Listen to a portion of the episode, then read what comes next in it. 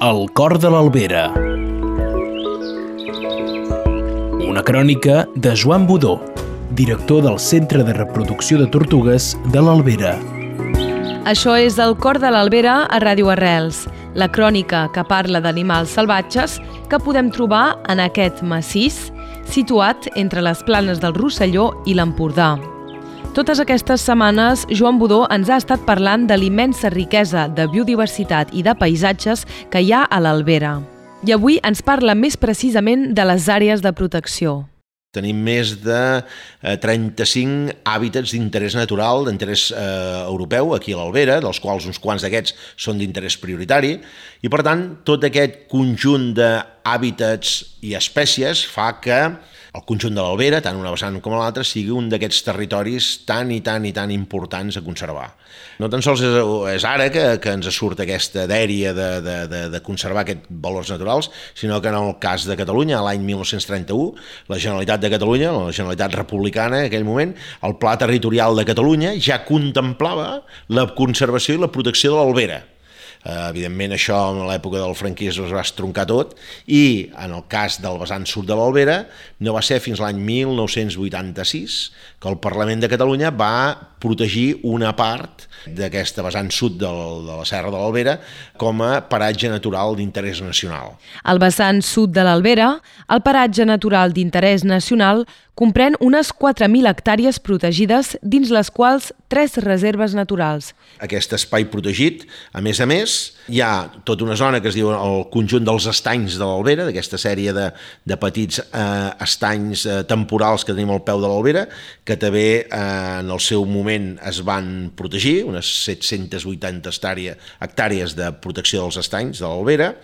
i tot aquest paisatge, eh, paratge natural d'interès nacional i els estanys de l'Albera, protegits, a més a més, el Parlament de Catalunya, amb la llei d'espais de, naturals que van fer a l'any 92, va declarar també una gran zona de la part sud de l'Albera com a espai d'interès natural. I això inclou 16.000 hectàrees. Aquest gran espai d'interès natural de l'Albera, a dintre hi ha les reserves naturals i hi ha el paratge natural d'interès nacional de l'Albera.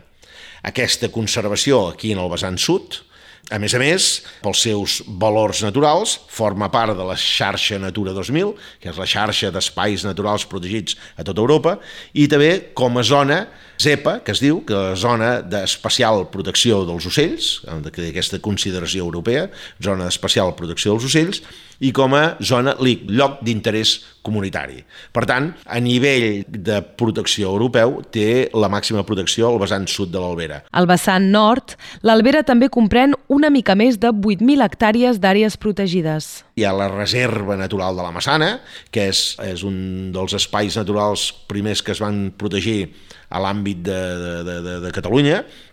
de una, una mica més de 330 hectàrees protegides, i llavors també, declarades xarxa Natura 2000, hi ha una part de l'Albera, la zona més litoral de l'Albera, d'una mica més de 700 hectàrees, i la zona central de l'Albera, del vessant nord, d'una mica més de 7.000 hectàrees, també és protegida. Per tant, tenim que a la banda nord de l'Albera, la banda rossellonesa, hi ha gairebé una mica més de 8.000 hectàrees protegides, més les 16.000 hectàrees protegides a,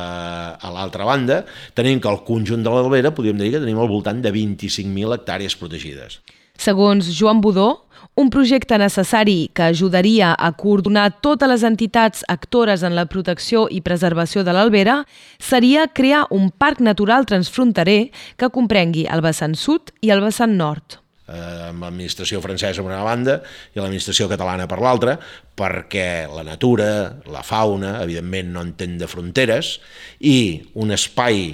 tan, tan, tan ric des d'un punt de vista natural, també històric, però en aquest cas és el punt de vista natural, tan ric, tan divers i tan important, que juga aquest paper tan important a l'hora de conservar, jo crec que s'haurien de fer els esforços necessaris d'una vessant i de l'altra per intentar, de la mateixa manera que s'ha fet en altres llocs del Pirineu, la creació d'un parc natural, en aquest cas transfronterer, jo crec que seria la gran, gran solució per a una conservació definitiva de tota l'Albera com a conjunt.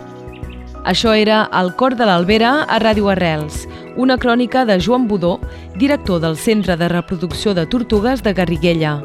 Si voleu reescoltar aquest capítol o els capítols anteriors, ho podeu fer a través de la web www.radioarrels.cat o a qualsevol plataforma d'escolta de podcasts.